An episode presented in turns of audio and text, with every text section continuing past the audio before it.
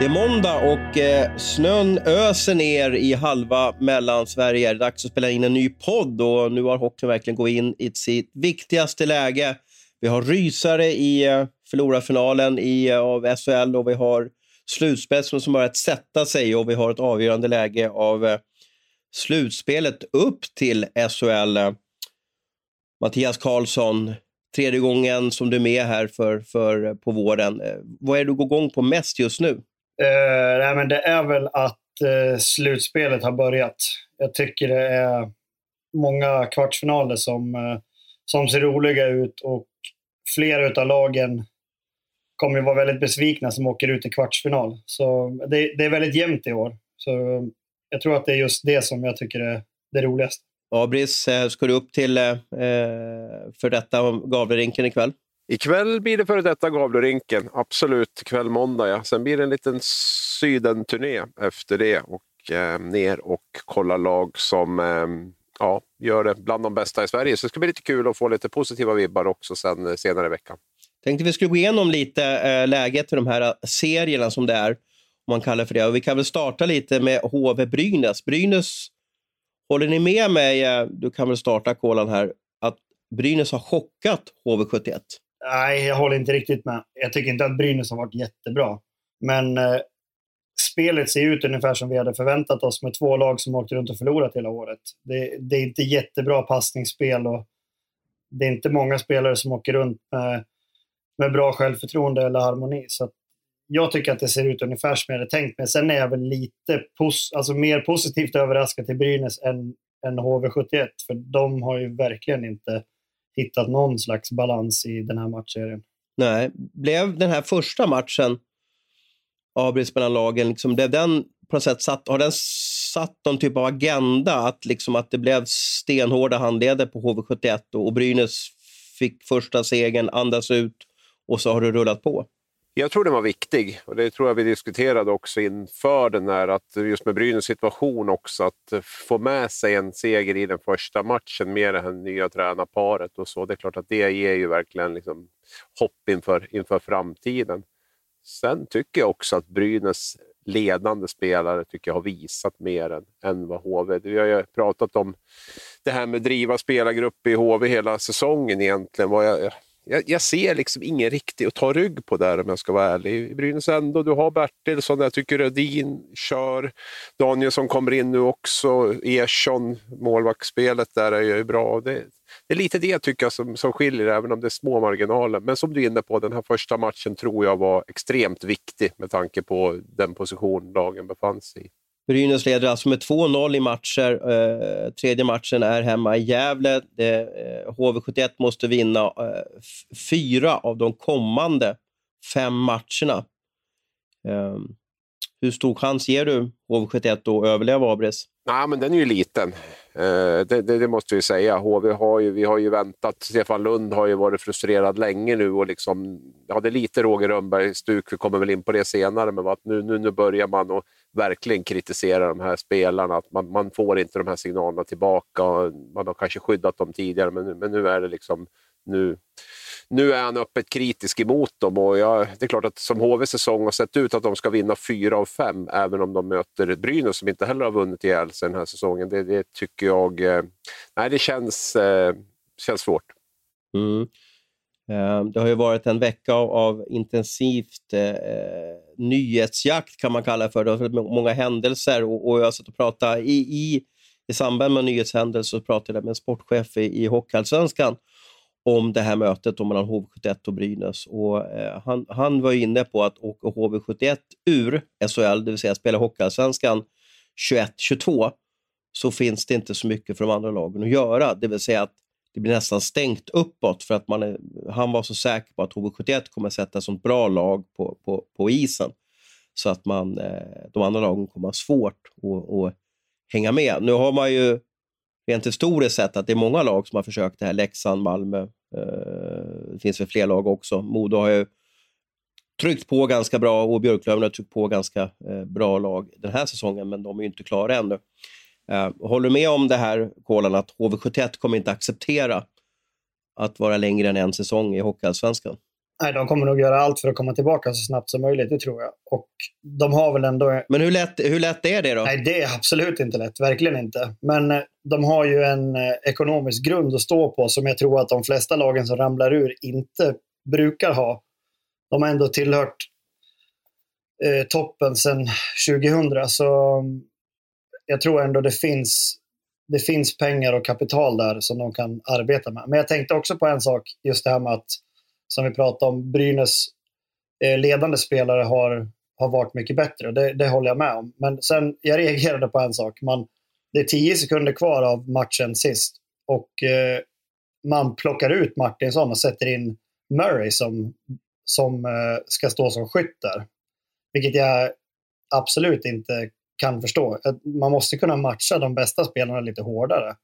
Eh, sen kanske inte forwards där har har levererat i den utsträckningen. Så det kanske är svårt att, att bestämma vem som ska spela. Men Martinsson har ju varit en av seriens bästa backar hela säsongen. Att han inte ska kunna spela sista tio sekunderna är för mig en gåta. Nej, men jag vet att Josef Boumedienne hade tittat en hel del på det här med Brynäs och tyckte då att, att um, till skillnad från många andra lag så matchades toppspelarna för, för, eh, för lite i Brynäs. Han ville upp mera, mera minuter på, på, de, på de ledande spelarna för att liksom ja, men dels sätta lite press på dem också, att det gäller att leverera och dels också visa laget att det är de här killarna som vi ska ta rygg på. Jag, jag tror också att det är, det är viktigt. Det är ju som, som Kolan är inne på, det i HV är det ju svårt eh, naturligtvis, men samtidigt kanske man måste bestämma sig. Att det, det är de här killarna vi går på, de måste få lite mer istid så att det inte blir förbi för utspritt. Va? Det är nog en, eh, en viktig del i det för att, eh, för att det inte ska bli för, för slätstruket och liksom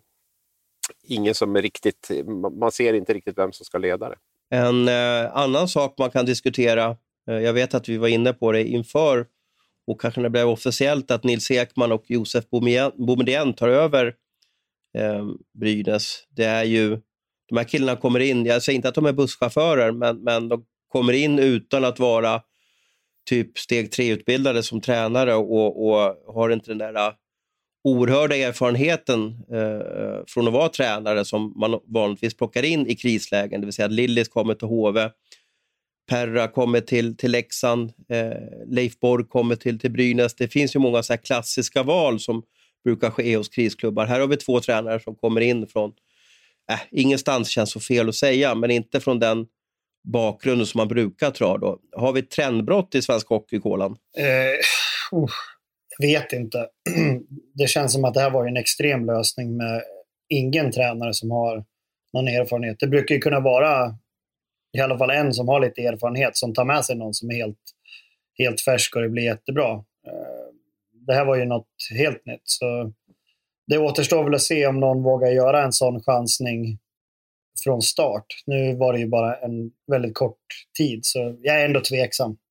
Eh, Boumedienne har jag följt under många år och, och sett honom eh, i, i många olika klubbar och alltid haft liksom, en dialog med honom. Och, och han, jag är fascinerad av honom att han har extremt bra självförtroende. uh, det är nästan som, liksom, du vet, som här t-shirtarna man kan köpa på marknaden uh, uh, i Turkiet och sådär. Jag är Mr Google eller vad man kan säga. Han, han är ju lite så och jag säger det i positiv bemärkelse för att han tror så mycket på vad han gör och, och tycker att det är rätt det han gör. Och De egenskaperna måste vara perfekt att få in i, i Brynäs nu som, har, som är väldigt orolig. Här kommer en kille in som, som jag vet inte om du hörde, han stod ju upp mot Niklas Wikgård i, i kanske en av de första simor intervjuerna han gjort, Josef. Det, det är man väldigt ovan att se en rookie-tränare stå upp på sitt lag och liksom säga emot en av de mest profilstarka experterna eh, som vi har i svensk hockey. Hur reagerar du på den intervjun, Abris? Eh, jag blev väl inte jätteförvånad, även om det stack ut naturligtvis. Dels har ju han och Wikegård haft en liten beef förut när, när Boumedienne var spelare och sen eh, gjorde jag faktiskt en längre intervju med Boumedienne eh, dagarna innan där, han berättade lite om sin uppväxt och där hans Ja, han, han, eh, han var inte direkt tyst när han var ung heller, sa han. Rätt kaxig kille redan från start, bra självförtroende, trodde på sig själv. Så att, han, han, är ju en sån karaktär och det har ju vi som har jobbat tätt med honom både när han var spelare och även nu träffat honom ibland när han var scout. Det, det är det intrycket man får att det här är ju det här är ingen kille som står med mössan i handen och jag tror lite som du, ett stukat lag som kommer in eh, och får in den här karaktären, den här personligheten eh, och dessutom kan bygga upp det med, med ett eh, gediget kunnande. Det tror, jag, det tror jag har varit väldigt bra. Sen ska vi väl vi ska också vara ödmjuka inför marginalerna. Jag menar, Brynäs vinner första på, på, på, på en sadden där. Och det är klart att hade den gått åt andra hållet så, så hade det kunnat sett annorlunda ut. Men, men eh, totalt sett så, så har det varit, tror jag, skönt för brynäsarna att få in honom med, med, med, det självförtroendet han ändå besitter. Hur slutar det här, Abis? Då? Ja, men alltså, vi är ju inte jättebra i svensk hockey på att vända underläge. 0-3 har ju aldrig någon vänt och 0-2 är också ganska unikt i, i slutspelssammanhang och även kvalsammanhang. Så att ja, ja, jag, jag måste säga Brynäs nu. Vad säger Kolan? Nej, jag håller med Abis. Det, historien talar inte för att man ska kunna vända och speciellt inte när det ser ut som det gör för HVs del. Så det blir nog Brynäs, trots att jag tippade HV från början. Då kan man ju säga 100 miljoners match ikväll då. Det kan man säga. Ja, absolut. Nej, men 0-3 har vi ju hållit på att brottas med tidigare och det, det är både en styrka och eller en svaghet eller säga, i svensk hockey tycker jag. Att det, är i, det händer ju aldrig här att, att, man, att man vänder runt ett sånt underlag. Det, det, jag tycker man har svårt att förändra matchbilder i, i när det gäller playoff-matcher när man hamnar i underläge. Det är väldigt lätt att det bara rullar på i, i samma spår. Man, man gör väldigt lite för att liksom bryta det här så berömda ordet momentumet som det andra laget har skaffat sig. Eh, och det, det, det, tycker jag genomsyra har, har varit genomgående under, under hela slutspelshistorien. Igen. Men om du ska ge tips då, Kolan, då, till, till Bertilsson, Martinsson, eh, Kinnvall, eh, Andersén och alla andra som ska liksom tvingas ut på isen. Hur, hur, vad hade du för grejer för inför match för att inte vara så satans nervös? Ja, men, eh, just de här kvalmatcherna tror jag det, det, blir ju någonting speciellt. För man, hur du än försöker att, att koppla av så vet du att just det, man spelar ju för, för klubbens existens och eh, oftast det är många personer som får lämna sina jobb om det, om det blir så att, att man ramlar ur. Folk som sitter på kansli får inte vara kvar. Men, men tänker, man, tänker man så som hockeyspelare? Gör man det? Jag gjorde det i alla fall där. För jag har ju bara spelat ett kval neråt och det var ju med Karlskrona för ett ett par år sedan. Och eh, då var jag ändå relativt gammal i hockeysammanhang. Så jag hade sådana tankar. Eh, sen tror jag kanske inte att killen som är 25 tänker på det, men jag gjorde det i alla fall. Att eh, jag var orolig för hur det skulle gå för alla runt omkring. Minst orolig för mig själv. Jag satt på ett utgående kontrakt, så jag var inte så jättenervös för min egen skull. Jag, jag visste ju att jag inte skulle vara kvar. Eh, jag hade absolut inget kontrakt klart och hade inte pratat med någon heller. Men det där brukar ju lösa sig. Så jag tror ändå att på något sätt försöka, och det är jättesvårt, men bara försöka och slappna av och komma ihåg varför man spelar hockey. Varför började man spela hockey? Jo, men det är för att mm. det var kul. Eh, det finns egentligen inga bra tips mm. att ge, för man är så båda de här lagen har ju åkt runt och förlorat hela året, så man är så nere i skorna. Så det, det är ett tufft läge. Det går inte att bryta på något sätt? Alltså inte vet jag. Alltså, spa eller eh, på något sätt inte hoppa powernappen eller, eller liksom se någon rolig film. Eller det, går, det, går inte liksom, det finns ingen quick fix. Spa verkar inte funka. Det provade ju HV. De har ju toppat två direkt. Så. Eh, men, men, men, jag vet inte om... Jag vet, en del de försöker ju prova. Man har ju ofta sina rutiner innan match. Man gör exakt likadant, brukar det vara. Uh, en del försöker ju prova att, att bryta det, som du säger. Man kanske struntar i powernappen eller man äter senare eller tidigare eller vad det nu kan vara. Man går på is istället för att inte gå på is på morgonen.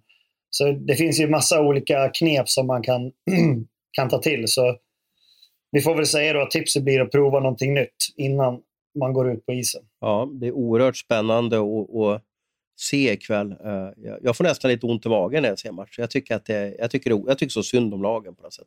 Det är väl det som är själva grejen med de här kvalmatcherna. Det är väl så det ska vara. Eh, folk ska åka runt och ha ont i magen och det är väl det som gör att eh, många föredrar kanske till och med den här matchserien före slutspelet när det gäller underhållning och, och dramatik trots att det är som Kolan var inne på, passningsspelet inte kanske håller eh, slutspelsnivå och sådär. Men, men just det här, det är väl, det är väl något, något i det här destruktiva som, som lockar oss.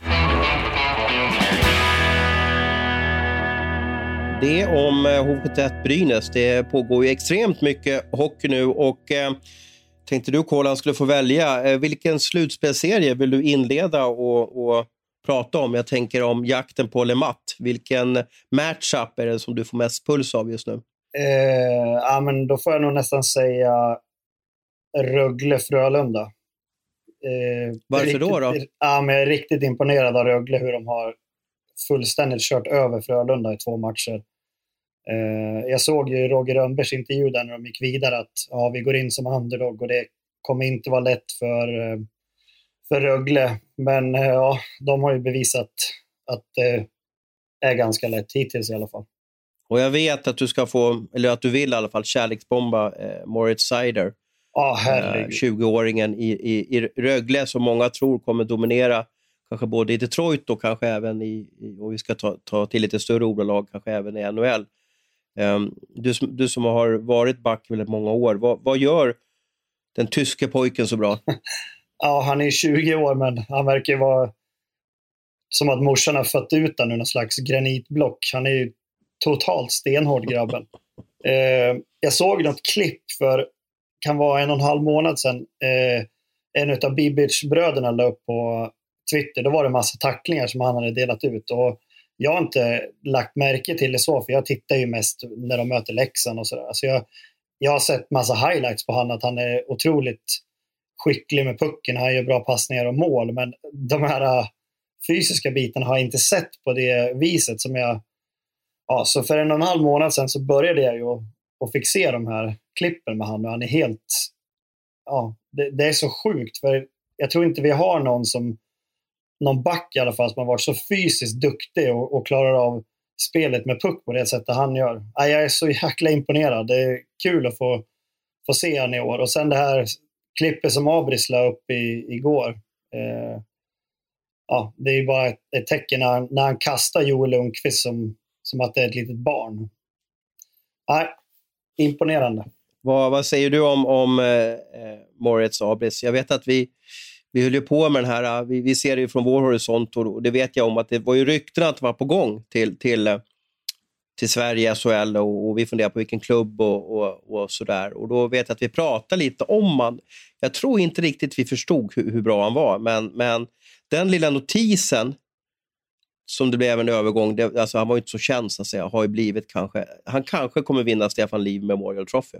Ja, nej, det, vi trodde inte att han var så bra. Jag, jag pratade faktiskt med en AHL-svensk som hade spelat, jag ska inte hänga ut vem det var, eh, som, som spelat spelade med förra säsongen, eller mot honom, och eh, inte var speciellt imponerad. Så ah, men det, det är okej, okay, liksom, men det, det, är inte, inte så. Va? Men, men nej, så att det det, han, har varit, han har varit mycket bättre och jag tror att han kom in, jag såg hans första match, det var väl Brynäs borta då. Och, eh, jag, tycker, jag tycker Rögle gör det så bra också för de hade en sån färdig plan för hur de skulle använda honom. In med Gellenas direkt, de har spelat ihop sedan dess i stort sett. Alltså, kommit i en trygg miljö där han där han vet exakt vad han ska göra och där han dessutom får spela ut sitt spel. Så jag tror att det är, det är en kombo också av att, att Rögle har gjort väldigt bra med honom och det ju, har ju Rögle visat med andra spelare också. Eh, sen, sen, får jag ju de här vibbarna av den här unga killen. Det är ju lite Elias Pettersson 2018 eller Jakob Silverberg 2012, Peter Forsberg 94. Liksom att det här är ju en, en, en, en undantagsspelare som verkligen just med sin, med sin inställning och sin utstrålning och sitt spel alltså kan ju vara kan ju vara killen att ta rygg på för Rögle i, för att gå hela vägen. Alltså det, det, det, det skulle inte förvåna mig, för han, han spelar med sån självklarhet och sånt självförtroende och sånt liksom Ja, nej, det, det, är grymt häftigt att se. Det är bara att njuta de här sista veckorna vi har kvar att se honom i, i Sverige. Jag vet att du såg första matchen med, med, med Moritz och jag såg andra matchen och, och det var också så här wow-känsla. Man bara satt, vem, vem är den här? Han såg ut som en sheriff som åkte omkring där. Man tror att han var 35 år och hade tusen NHL-matcher på, på, på, på, ja, under sitt bälte. Men det var, det var helt otroligt att se hur snabbt han kom in i det hela. Och tänk, tänk vilket bra val han har gjort. Han har fått ett år. Uh, han tillhör ju alltså Detroit. Detroit är ett av, av ligans sämre lag. Uh, nu får han spela kanske liksom i det bästa laget i, i Sverige. Får monsterminuter, får erfarenhet av, av en ny miljö, för det kommer han kastas in i Detroit. Tänk vilket bra val det här har blivit för Rögle och även för, för eh, Detroit och även för, för Morris. Det här, är det inte väldigt svårt för en 20-åring att göra ett korrekt och bra val egentligen? Den här killen, om han haft heta föräldrar eller, eller liksom är het själv, Kolan, då hade han bara sagt jag ska till Detroit, jag, jag ska in i Big League direkt. Ja, det, det, har ju slagit ganska väl ut för, eh, för Rögle, för svensk hockey och för han själv.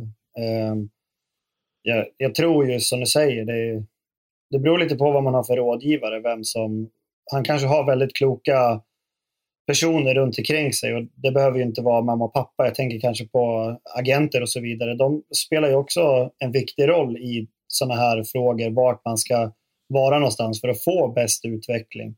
Och han kommer ju gå rakt in i första backpar i NHL nästa år, det är jag helt övertygad om. Så det har varit ett bra val. Sen är det också lite spel för, hur ska man kalla det för? Uh, eh, NHL funkar ju på ett sätt att ju sämre man är, desto större chans har man att få välja väldigt högt i draften. Och jag vet om också att Detroit har ju en tanke på att vi kommer inte vara bra den här säsongen. Vi kommer inte vara bra förrän kanske två, tre år. Och då vill de, de vill bara loada på med så många liksom topprankade spelare som möjligt. Och då är man ju kanske dum om man, om man trycker in Sider i laget år så man blir lite halvbra nu. Hänger ni med jag menar? Att det är bättre att vara pissdåliga i tre år och bara få så många topp fem picks som möjligt så att det, blir, det blir bra eh, eh, till slut. Jag, jag, noterade vad du sa där, Kolan, och jag hajade till på en grej. För att jag hörde en story om dig, och det här är jättemånga år sedan. Um, du var väl inte så jättekänd för, för, för svensk hockey, men jag vet att du hade varit i Nordamerika. Ja. Och så pratade jag med din agent Lasse Cederström att när du skulle tillbaka till Sverige eh, så sa, och det här var i alla fall Lasses beskrivning av det här, att, att ja, Kolan är en smart pojk. Han satt och kollade. Eh, hur många bud hade du när du skulle hem från Nordamerika? Det var ju 12 lag i, ja, i SHL då. Jag hade 10 att välja på tror jag. Okej, okay. och jag vet att Lasse sa till mig att han kommer, gå, han kommer analysera alla lagen och han kommer kolla i vilket lag får jag mest istid i.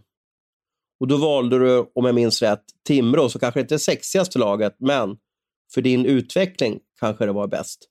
Eh, är jag korrekt ute eller, eller, eller hur, var, hur, var, hur var storyn där? Det stämmer ganska bra. Jag, eh, jag hade ju bud ifrån alla de där största klubbarna, HV och Färjestad och de här. Eh, men jag kände väl just som kanske till exempel med HV, de satt ju på, de hade Petrasek, Loma, Puistola. Det var ju liksom fullt med stjärnspelare och då tänkte väl jag då i alla fall att här blir det svårt att, och sno åt sig någon, någon istid. Och nu hade jag ju spelat ett år i AHL där det gick väldigt bra. Eh, spelat alla viktiga moment och jag ville ju fortsätta spela så. Eh, så jag var väl lite smart och kollade igenom jag, jag, tror att jag sa till min agent att ta fram de, de fem lagen som, som kan erbjuda en, en, riktigt bra lön. Och sen så kollade jag främst på dem, då, vilka som, okej, okay, vart kan jag tänka mig att jag passar i det här pusslet någonstans? Eh, och sen så tyckte jag att Tibro var eh, ett väldigt bra alternativ just då, för de hade ju en, en historik med att överraska och de hade gått långt flera år i, i slutspel och så vidare. Så jag kände väl att det, det kanske var en, en bra plats att, att vara på. Ett eh, klokt val blev det till slut. Vi rusar vidare bland slutspelskvartarna. Eh, eh, eh, vilken, eh, vilken matchup får du aha-upplevelse av, Abris? Jag satt ju och såg Luleå-Skellefteå igår, eller Skellefteå-Luleå ska jag säga rätt där. Och, eh, det finns väl en, en spänning i, i, alla de här fyra egentligen, men, men den, i och med att jag såg den igår så, så ligger väl den nära, nära till hands. Och Um... Den var ju nära att komma in på den här topp 5-listan på, ja. på längsta matcherna. Jag såg att du skickade den i vår internkanal, där, Slack. Där, och då vill man nästan att den ska komma upp och bli alltså slå, att det ska bli rekord. Jag vet inte om man ja. tänker som det som journalist, men man vill inte att det ska ta slut. Men så, ja, så vart det ett abrupt slut som det alltid blir i sadden. Ja, och det var ju friläge där med 46 sekunder kvar, tror jag, Jonathan Bergen och sköt på klubbskaftet på, på Lassinantti. Då kände man att det här kommer ju garanterat att bli period 6. Och så på tekningen efter det så, så small det in ett slumpskott. Och det var ju det var ju skott och touch-målens match det här. Det var det var inga, inga direkt snygga mål och det var inga speciellt kända målgörare heller. Pontus Sjölin som gjort ett mål på tre år, han gjorde ett av Luleås. Jonas Berglund gjorde det andra. Eh, Skellefteå gjorde Niklas Burström två av tre, så att det säger ju en del. Det var inte riktigt stjärnornas match eh, när det gäller utdelning i alla fall. Och även lite spelet också så känns det som att det finns några högprofilerade spelare i båda lagen som, som har mer att eh, plocka ut. Så vi får väl se lite grann om det kommer här nu längre fram. Mm. Det här var ju bara match 1 av 7. Jag tycker att det är ett märkligt schema för övrigt att, att vi har två kvartar i, i, i lördags och vi har fyra kvartar idag och alla kvartar börjar samma tid för övrigt. Och sen är det två kvartar i, i kväll. Uh, jag förstår inte riktigt hur schemaläggaren har tänkt, men det finns säkert någon anledning till det. Uh, det, det, är svårt att hålla koll på fler än en, en kvart, i alla fall i, igår var det det. Och jag var ju nästan lite glad. Det var en positiv överraskning. Träffade Johan Thornberg efter den, den matchen jag var på. Jag var på Leksand-Örebro och så, och så frågade jag, har det blivit avgörande uppe i eh, Skellefteå Och sa nej, det sa han inte. Och då, och då rusade jag hem och liksom slog på tvn och, och blev glad och fick lite mer hockey. Men eh, baserat på den här första matchen av Abris, kan man säga någonting om, om eh, framtiden och hur det kommer gå här? Ja, det kan man nog göra. Jag tror att Luleås chans var lite grann att nypa den här matchen nummer ett här och få, få lite, lite flow det. Och inte minst så går man ju väldigt hårt på, på spelare där. Jag tänkte bolla över den till Kolan också. 37 minuter på Erik Gustafsson igår, 36 på Nils Lundqvist. De spelar fyra matcher nu på fem dagar. Lägg till att Erik Gustafsson också varit borta en tre, fyra veckor på grund av en knäskada. Då. Så håller det och spela så mycket som man gör nu på fyra matcher på, på fem dagar. Nu var det extremt när den här gick till övertid. Men eh, jag tror inte det är någon fara. Speciellt inte på de två. De, ja, Erik Gustafsson spelar ju ändå ganska... Det känns inte som att han är den som åker med pucken så mycket. Det kanske är mer Lundqvist som, som tar pucken och åker. Men Gustafsson känns ändå ganska återhållsam med sin energi och använder den på ett bra sätt. Han är otroligt smart. Så jag tror ändå att det, att det är lugnt för dem. Sen kan det väl bli problem om varenda match går till övertid och du ska spela 35 minuter. Det, det kan bli tufft kanske. Men en vanlig match som bara är 60 minuter, då är det nog inga problem om de ligger på 25-27 minuter. Det, det klarar de. Vad blir effekten på femte sjätte backen då i, i, i Luleå som får förmodligen mindre med istid och sitter där och blir iskall i båset? Ja, men de får ju ändå kanske runt 15 minuter och det, det är ganska lagom på en femte sjätte back. De behöver inte spela mer. Ja, fördel Skellefteå tror Abris. Håller du med Kolan? Ja, jag håller med. Mm. Vi rusar vidare. Eh, jag var i Tegera Arena, eh, såg Leksand, Örebro. Eh, kollar du in den matchen också, Kolan, eller, eller höll du på med att eh, träna ungarna i landhockey? Nej, jag, jag kollade matchen såklart. Fullständig övningskörning av, av, av Örebro kan jag tycka. Ja, det var en uppvisning i, eh, i smartness skulle jag säga. Jag tycker Örebro gör det otroligt bra. Eh, de skapar ju inte speciellt mycket målchanser i första perioden har de egentligen bara det där skottet på mål tycker jag som blir mål och det är egentligen inte världens målchans heller. Han skjuter från tekningscirkeln direkt och han är ju dessutom markerad men ändå inte som man brukar, en alibi-markering får man kalla det. Eh, så han, han, gör det ju, Man håller fram klubban mot, mot spelaren. Ja, han gör det otroligt bra där som sätter den. Eh, men, men sen tycker jag spelet fortsätter likadant. Leksand får liksom ingen fart i i spelet. Passningarna sitter inte riktigt och det, det är ju kanske inte så konstigt heller när man, man har inte spelat på över är det två veckor någonting. Och så har de varit lediga. Eh, så de kanske behövde en match för att komma igång, men helt klart är väl att matcherna har ju sett lite likadana ut även i grundserien. Att Örebro, de, de är väldigt tajta framför mål. Det ser inte ut som att Leksand kommer in på målet och sen så blir det som, eh, de sköt ju några skott i rundorna Leksand och så kontrar Örebro ett läge som egentligen är en två mot tvåa men som slutar med en två mot etta. På grund av lite dålig backcheck.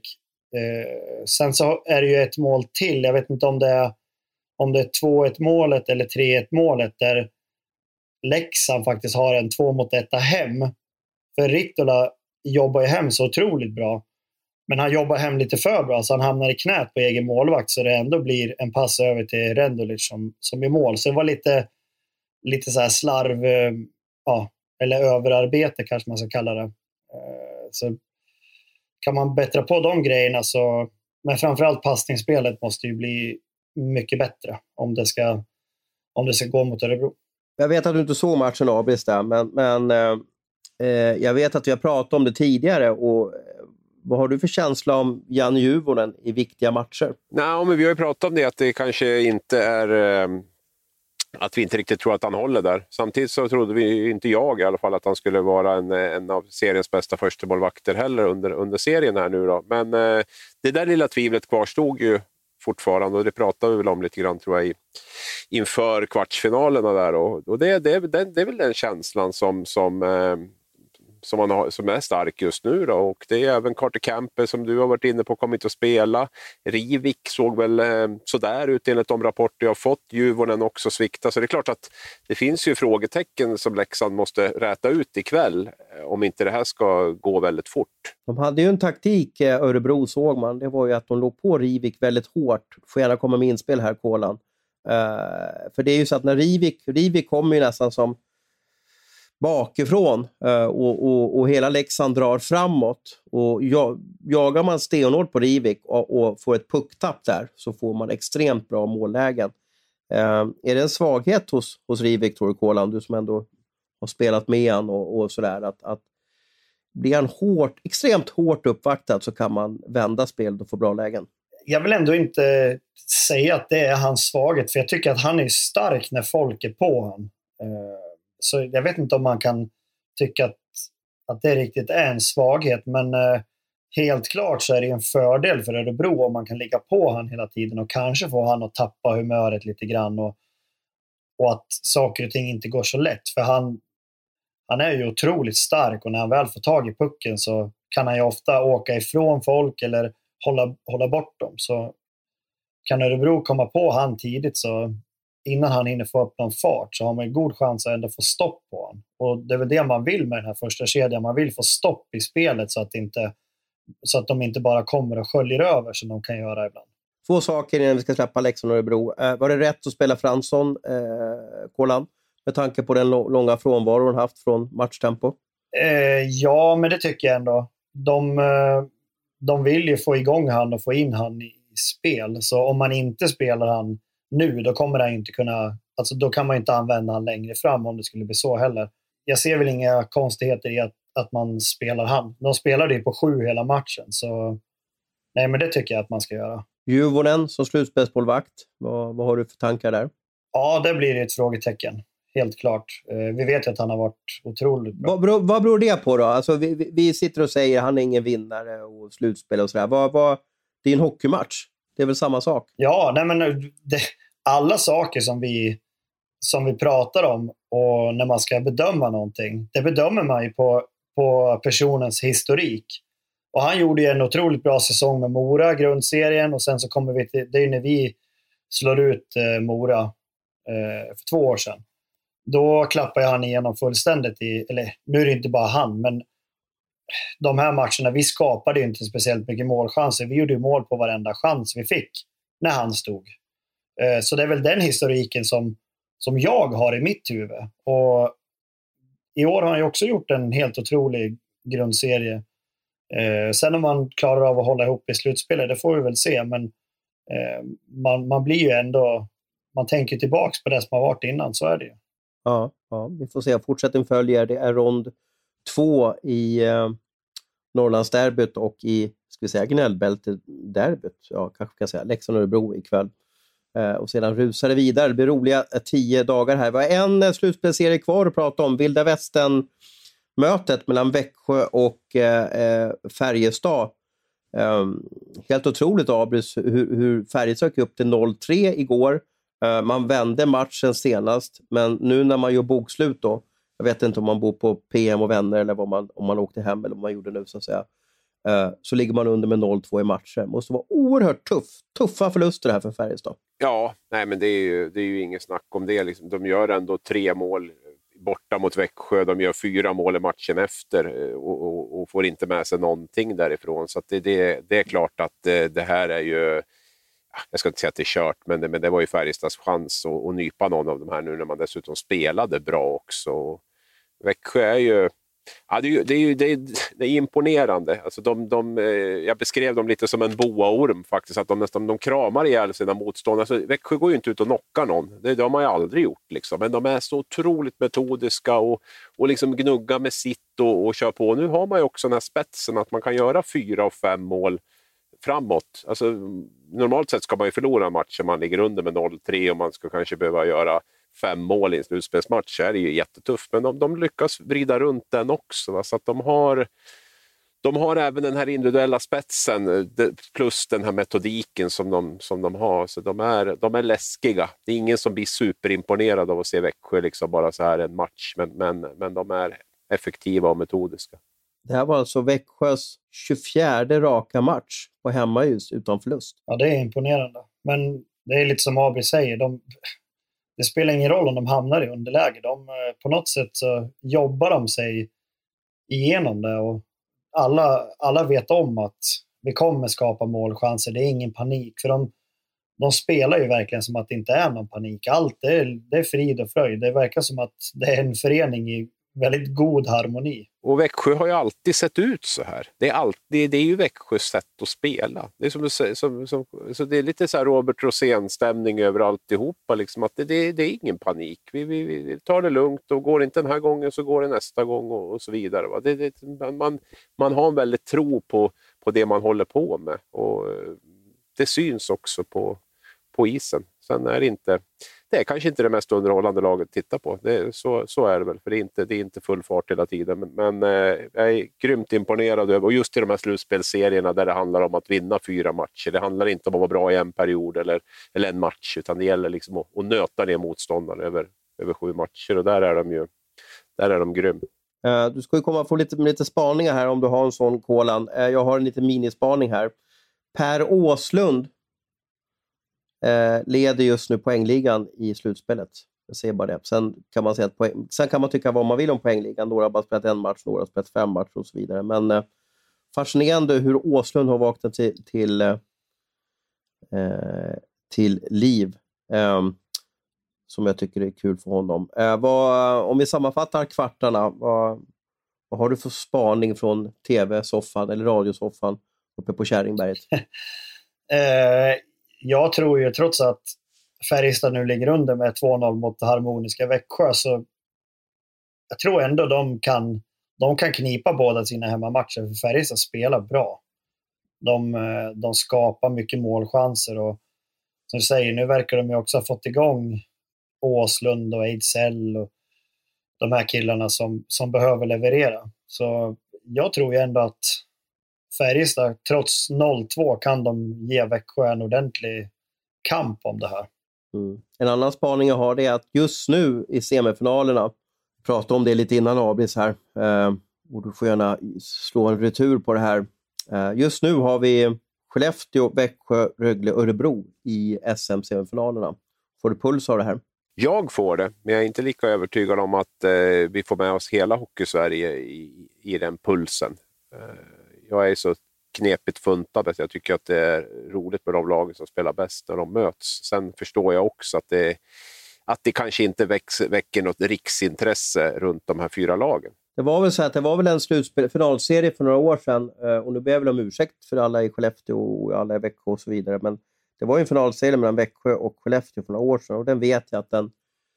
Eh, om vi såg på vår sajt med, med in, eh, interaktioner med, med eh, olika siffror och statistik så var det väldigt lågt intresse för de eh, finalmatcherna. Och jag tror att man behöver kanske ha ett lag som vi behöver att om vi ska prata om intresse, att det ska liksom skapa eh, bass ute där, så behöver du ha lag som kanske Frölunda, Färjestad, Djurgården, eh, Leksand och, och, och, eventuellt Luleå. Luleå tycker jag berör väldigt mycket. Det är lite vi mot världen-känsla där uppe som, som skapa någonting där ute. Hänger du med vad vi pratar om, Kola, när vi, när vi liksom pratar om att ja, de där lagen engagerar inte? Eller tycker du att det är grekiska? Nej, jag, jag fattar vad ni menar. Och, eh, det är väl alltid så att om det är en final mellan Frölunda och Djurgården så väcker väl den extremt stort intresse i och med att det är de två största städerna. Så jag fattar vad ni pratar om. Ja, jag fick lite kritik för att jag hade dålig koll på poängen i quizen eh, förra veckan. Jag får väl bättra mig. Kände du eh, eh felfördelad, eh, Kolan, förra veckan? Nej, det gjorde jag väl inte. Det enda som jag reagerade på var ju att du sa att man skulle... Du frågade vilka nummer och så försökte jag skriva numren. Sen får jag skylla mig själv att jag inte kan numret på Fredrik Stillman. Du skrev ju fel nummer på, på en legendar. Ja, jag vet. Men hade du bett mig om namnen så hade jag ju... Då hade jag ju tagit dem, för jag visste ju vilka det var. Nummer kan ju vara lite lurigt, för det kan ju vara att en spelare kanske inte har samma nummer hela karriären. Förstår du vad jag menar? Nu har ju ofta de här som har blivit riktigt stora, de har ofta haft samma nummer. Men ibland kan det bli att, att man under de tre första åren då, när man är junis eller, eller ny, då har man ett nummer. Sen så börjar ett nummer sätta sig till slut och det är den säkert numret som, som, som eh, fäster taket där. Men eh, jag har gjort det lättare. Det är inte så oerhört många. Eh, det är en mer eh, tydlig quiz den här gången och vi drar väl igång eh, eh, direkt med fråga ett. Det gäller att ha koll på nutid, dåtid och eh, lite allmänt hockeyintresserad måste man säga. Då gör man det väldigt bra här. Fråga nummer ett. Två spelare gjorde 25 mål i SHL 2021 eh, och vann målligan. Vilka då två? Oj, vilken tystnad. Jag har en i alla fall. Kan man skicka den? Ja, vi har ett svar från Kolan och två svar från, eh, från eh, Abris. Då. Vill du eh, svara ett namn till Kolan eller är det, är det helt svart i huvudet? Nej, jag, jag vet inte. Kör, eller ja, jag, jag skriver ett till. Ja, Bra, bra, bra. Vilket lag sköt flest mål i målramen, eh, alltså stolpar och ribba, kan man sammanfatta det med, under säsongen 2021? Ska man kunna sånt?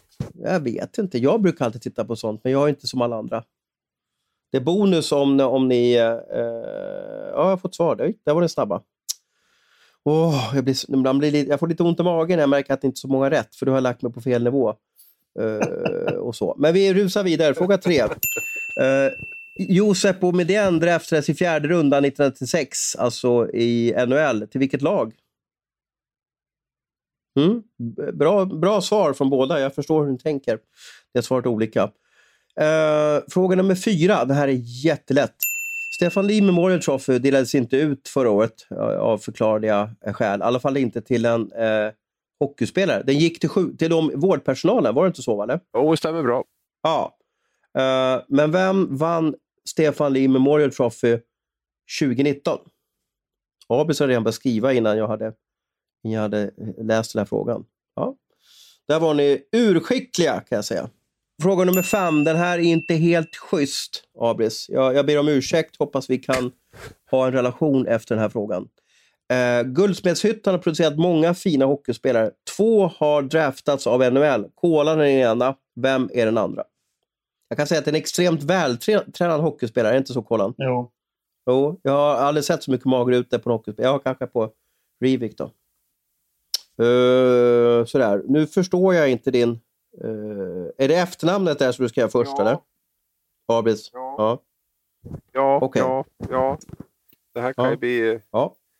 Uh, mm. Intressant. Men den här var lite taskig, men jag, jag tror att vi gjorde vår gäst lite glad här. Så att säga, liksom. Eh, målkungarna i SHL. Där har jag skrivit upp Daniel Wiksten och eh, Ryfors 25 mål. Jag fick eh, Ryfors på Abris. Ett poäng på Abris. Och sen hade vi från Kolan. Då hade vi Wiksten och Petter, Pettersson. Då, så, att säga. så det blir ett poäng var där. Båda hade Pettersson alltså, som andra svar. Ja. Och då ska vi se här. Fråga nummer två. Vilket lag sköt flest skott i målraven 2021? Och där hade ni svarat Luleå och Fabris och eh, eh, har svarat Skellefteå. Rätt svar är Färjestad, 49 skott.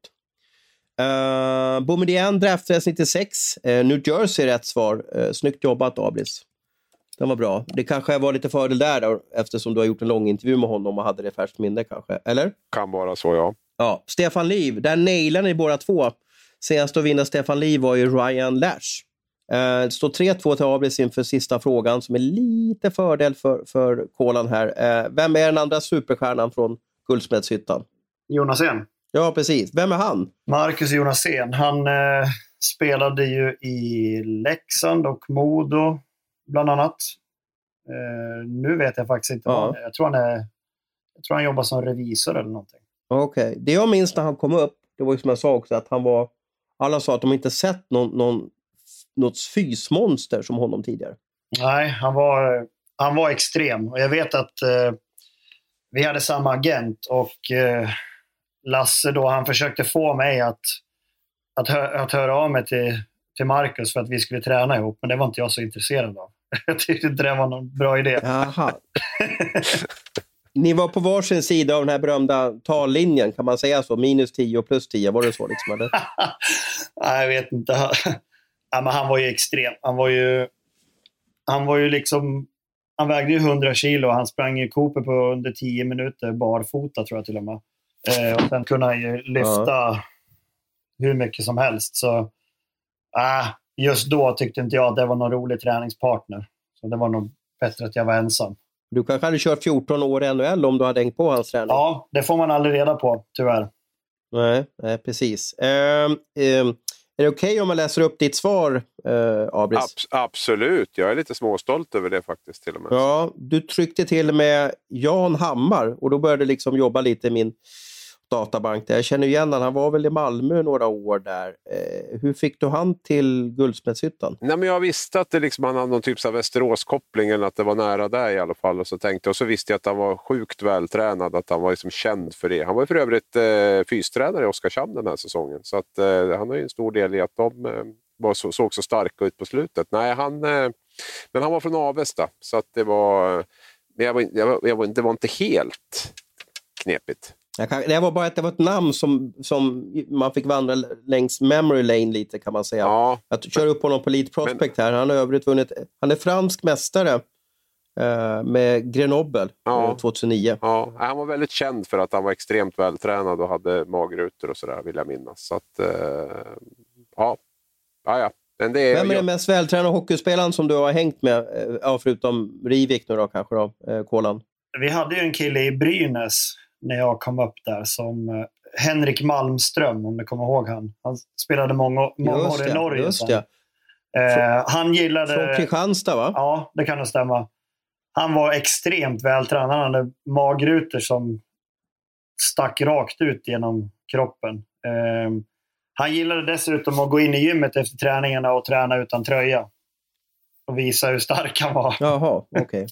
Ja, ja, jag förstår det mer. Jag minns honom. En väldigt trevlig kille, ljushårig, eh, som, som eh, avslutade med några fina år i, i Norge. där. Eh, bra jobbat. Jag fick att det blev 3-3. Ni får väl rätta mig på Twitter om jag, mina mattekunskaper är av, av väldigt låg nivå. Eh, det var ju sista frågan som, som avgjorde det här till Kolans fördel. Samtidigt så var jag lite snäll mot Abris med Boumedienne där som han hade gjort 25 000 tecken om, om Brynäs succétränare.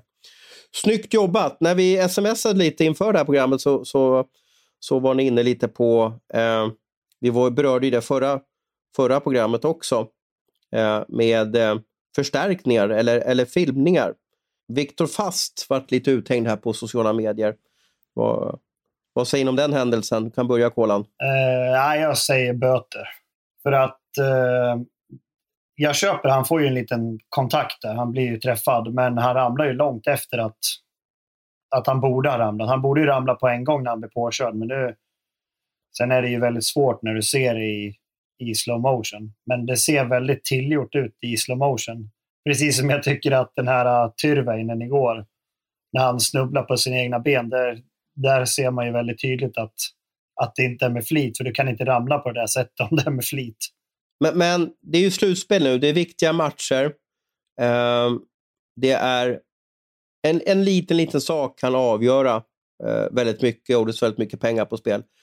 Hur, hur, hur får vi bukt med filmningsproblematiken eller förstärkningsproblematiken i ett slutspel? Ska man liksom kunna dra den här Hawkeye-grejen och liksom kolla upp, titta här hur det gick till? Uh, eller blir det bara kladdigt att det tar, matcherna tar fem timmar? Eller hur ska vi lösa det här? Ordet är fritt. Ja, den här är ju kletig. Alltså. Den här är ju kletig. Jag vet inte, det är lite som det här med tacklingar. Börjar man kommentera filmningar så får man, då ska man ju stå till svars för varenda filmning som utförs på en svensk hockeyis ungefär och ska kommentera den. Och du tyckte så här om den filmningen, vad tycker du om den här? och så där. Och jag, jag, jag, jag har ju sagt det förra, jag hoppas, jag hoppas att man tar tag i de här sakerna internt. Att man, att man, att man liksom, det, den här typen av av eh, agerande vill vi inte ha i det här laget. Om det så kommer från tränare eller från kaptener. Och, eh, eh, jag vill inte att det ska vara fokus i den här härliga hockeytiden som vi har nu. Sen ser jag också att det händer på, då och då på något ställe. Och, men men, men jag, låt det inte ta över och jag önskar att jag slipper hålla på och, och skriva om de sakerna. Men det kanske, det kanske blir oundvikligt.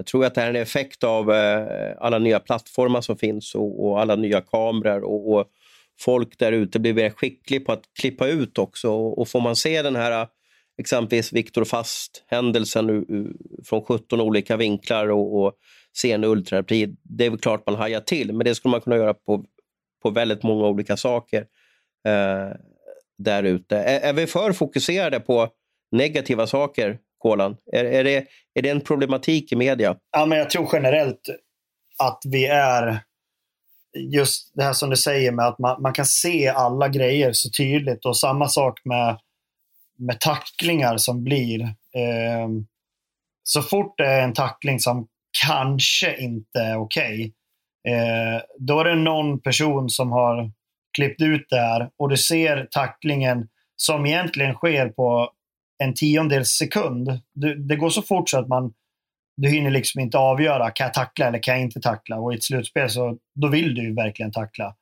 Eh, men när du ser den på eh, ja, när du ser den i repris, då kanske den här tacklingen som går på en millisekund, reprisen den är sju sekunder lång. Och då sitter det en folk som aldrig spelat hockey och tittar på det här och så tänker de, men herregud, han har ju fem sekunder på sig att avbryta eller eller bestämma sig om man ska tackla eller inte.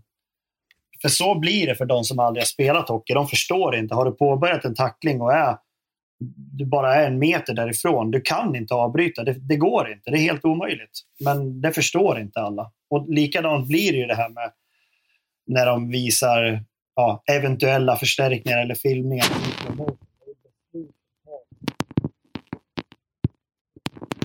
Ibland blir det rätt, ibland blir det fel vi lägger väldigt stort fokus de gångerna man tycker att det är på väg att bli fel.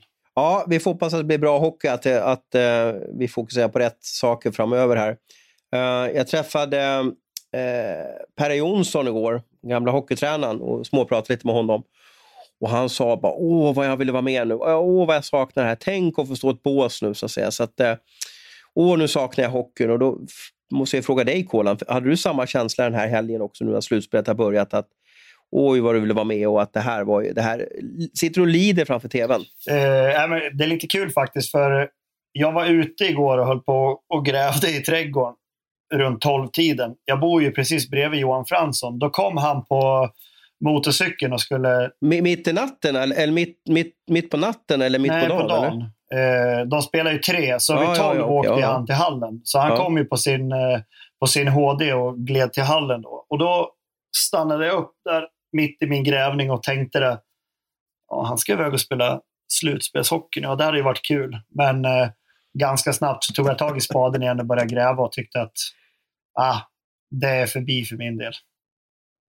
Jag fortsätter, jag fortsätter ja, gräva. Jag förstår känslan där. Han, han, han är ju kvar liksom i drömmen som det är att få vara SHL-spelare. Ja, precis. Eh, Medan du stod och... Var det rhododendro-rabatt eller rosrabatt eller vad skulle du göra för rabatt? Nej, jag, jag har två såna här um, pallkragar som har varit där länge. Så nu ska vi göra ett lite större land. Så jag tog bort dem och sen så började jag gräva bort gräsmattan för vi ska få... Jag tänkte jag skulle bygga ihop en egen större. Får se om jag lyckas med det. Ja, just det. Ja, just det. Och duktig, duktig du är. Eh, Abris, bör vi bli klara med körschemat eller har vi något som vi tycker vi ska ta upp som, ta upp som vi har glömt? Nej, det börjar väl bli fullt. Jag vet inte om man... Vi har ju inte pratat om Björklöven och sådär, men det kanske vi kan ta en annan gång. Ja, det pågår ju ett slutspel där. Jag, jag, jag måste säga att jag är, jag är så oerhört imponerad av Västervik. Jag skulle faktiskt avsluta med att säga tummen upp till Västervik för att de åker, och, åker upp dit och vinner. Och hur det än går, om de lyckas vinna en match till eller två matcher till, men de har ändå lyckats göra minst sex matcher på Timrå. Det är otroligt imponerande. Så det tycker jag vi ska hylla dem för, hur det än går. Ja, och slog ut Södertälje också. eh, som var en, en, en, merit får man ju säga. Och sen då bråkar och jäklas. Som jag förstod då så hade Mattias Kalin någon typ av brandtal inför matchen. Och, och, jag vet inte om man ska jämföra det, det där brandtalet med, med Tommy Sandlins samurajtal eh, där för, för hundra år sedan. Men det är kanske elakt, för den, den har blivit så, fått sån legendarisk status för hela. Men, men det här brandtalet handlar väl om att, att vill inte ni typ se att Timrå ska tvingas sätta sig i bussen och åka ner till, till, eh, till Västervik? Och, och, har vi verkligen gjort den här resan upp hit onödigt? Alltså, det vill säga, har vi suttit i bussen och inte liksom ja, få säsongen att överleva Och Det här fick laget att gå samman lite extra. extra och, och, ja, det ska bli kul att se match, match där. Vad kommer ni göra den här veckan? Vad är ni semest fram emot eh, nästa hockeyvecka? Är det hur Albelin-storyn eh, fort, fortskrider eller vad ser ni fram emot, Abris? Nej, men spelet på isen framför allt. Ja, det blir mycket, mycket, mycket hockey här nu varenda dag och mycket på plats också. Och så där. så det, det, känns ju, det känns ju skitkul. Det här är ju helt sjukt rolig tid med alla kvartsfinalerna rullar, playouten rullar, slutspelet i Hockeyallsvenskan börjar komma in på ja, nästan närmaste final och så där. så det, det, är ju, det, det, blir ju inte bättre än, än de här veckorna som är nu. Så det är bara att försöka njuta, även om man är fokuserad på att göra ett så bra jobb som möjligt. Ska du foka på tvn eller ska du foka på, på eh, Trädgårdslandet, Kolan? Nej, det blir tvn, helt klart. Nu är det lite svårt att arbeta i Trädgårdslandet när jag inte ens ser vart det jag grävit är någonstans. Det är bara snö där nu. Hur gick det med paddelkursen då? Har du, har du tagit nej. någon sån? Du, du var intresserad att, att uh, okay, nej, det på, ligger på is nej, också? Nej, det ligger inte på is. Jag skulle behöva det, helt klart. Vi får kolla om det finns någon i vår närhet här i Leksand som kan ställa upp och och hjälpa ja. till, hjälpa en gammal spelare. Vi spelade padel förra veckan och vi blev fullständigt utklassade av, hur var det du sa dem? Jag vet inte, ja, två lite äldre män, var det så eller? Ja, det var, det behöver vi inte ens ja, prata om. Det var 6-2, 6-0, 6-0. Alltså det, var, det, var sån, jag vet, det var en av de största torskar jag varit med om. Så att säga. Det, det trodde jag inte, men vi mötte två stycken som var oerhört skickliga i alla fall. Och, eh, du och jag var kanske inte de mest rörliga på paddelbanan. Kan vi säga Nej, jag var brutalt dålig. Jag lägger mig platt. Det är sånt som händer. Då har man utvecklingspotential, ja, eller hur? så är det. Ja. Du, eh, eh, Mattias och Hans, kul att prata med er och kul att podda med er. Och tack för att ni har eh, lyssnat, ni som finns där ute någonstans i bilen eller motionsspåret eller var ni sitter i alla fall. Ha nu en riktigt trevlig vecka i april allihopa.